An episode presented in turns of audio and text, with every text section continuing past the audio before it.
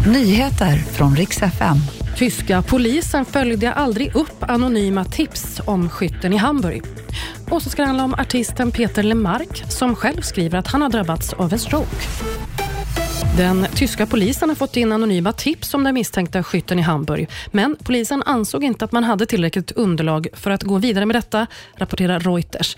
Det var så igår kväll som en man öppnade eld mot Jehovas vittnens samlingslokal i Hamburg. Åtta människor dog och ännu fler skadades. Gärningsmannen tog därefter sitt eget liv.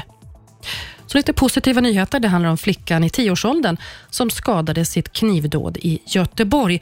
Hon tycks nu äntligen må bättre. Hon har vårdats på sjukhus i en vecka nu och skadeläget är stabilt. Hon är kvar på sjukhus, men inte längre allvarligt skadeläge, säger sjukhusets pressavdelning till GP. Den folkkära artisten Peter Lemark han har drabbats av en stroke. Det här berättar han själv i ett inlägg på Instagram. Livskartan ritas om än en gång, skriver Lemark själv som idag är 64 år.